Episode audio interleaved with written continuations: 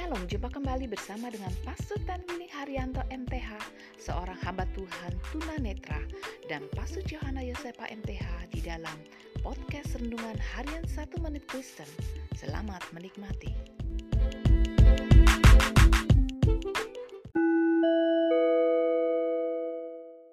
Shalom saudara yang berharga di mata Tuhan, senang dapat jumpa dengan saudara. Hari ini firman Allah mau mengingatkan kita bahwa ada akibat dosa. Dosa Ruben merugikan meskipun tidak dirasakan segera. Sebagai anak laki-laki tertua berhak mendapatkan dua bagian dari kekayaan keluarga dan mendapatkan tempat kepemimpinan di antara saudara-saudaranya.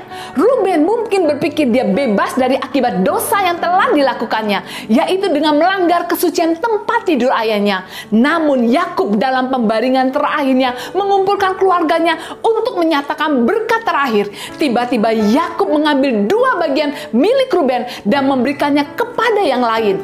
Akibat dosa dapat menimpa kita jauh setelah dosa dilakukan. Ketika kita melakukan yang salah, kita mungkin berpikir kita dapat bebas tanpa diketahui. Ketahuilah saudara, kemudian dosa secara perlahan-lahan berkembang dengan akibat yang serius. Untuk itu, marilah kita jangan berbuat dosa. Amin.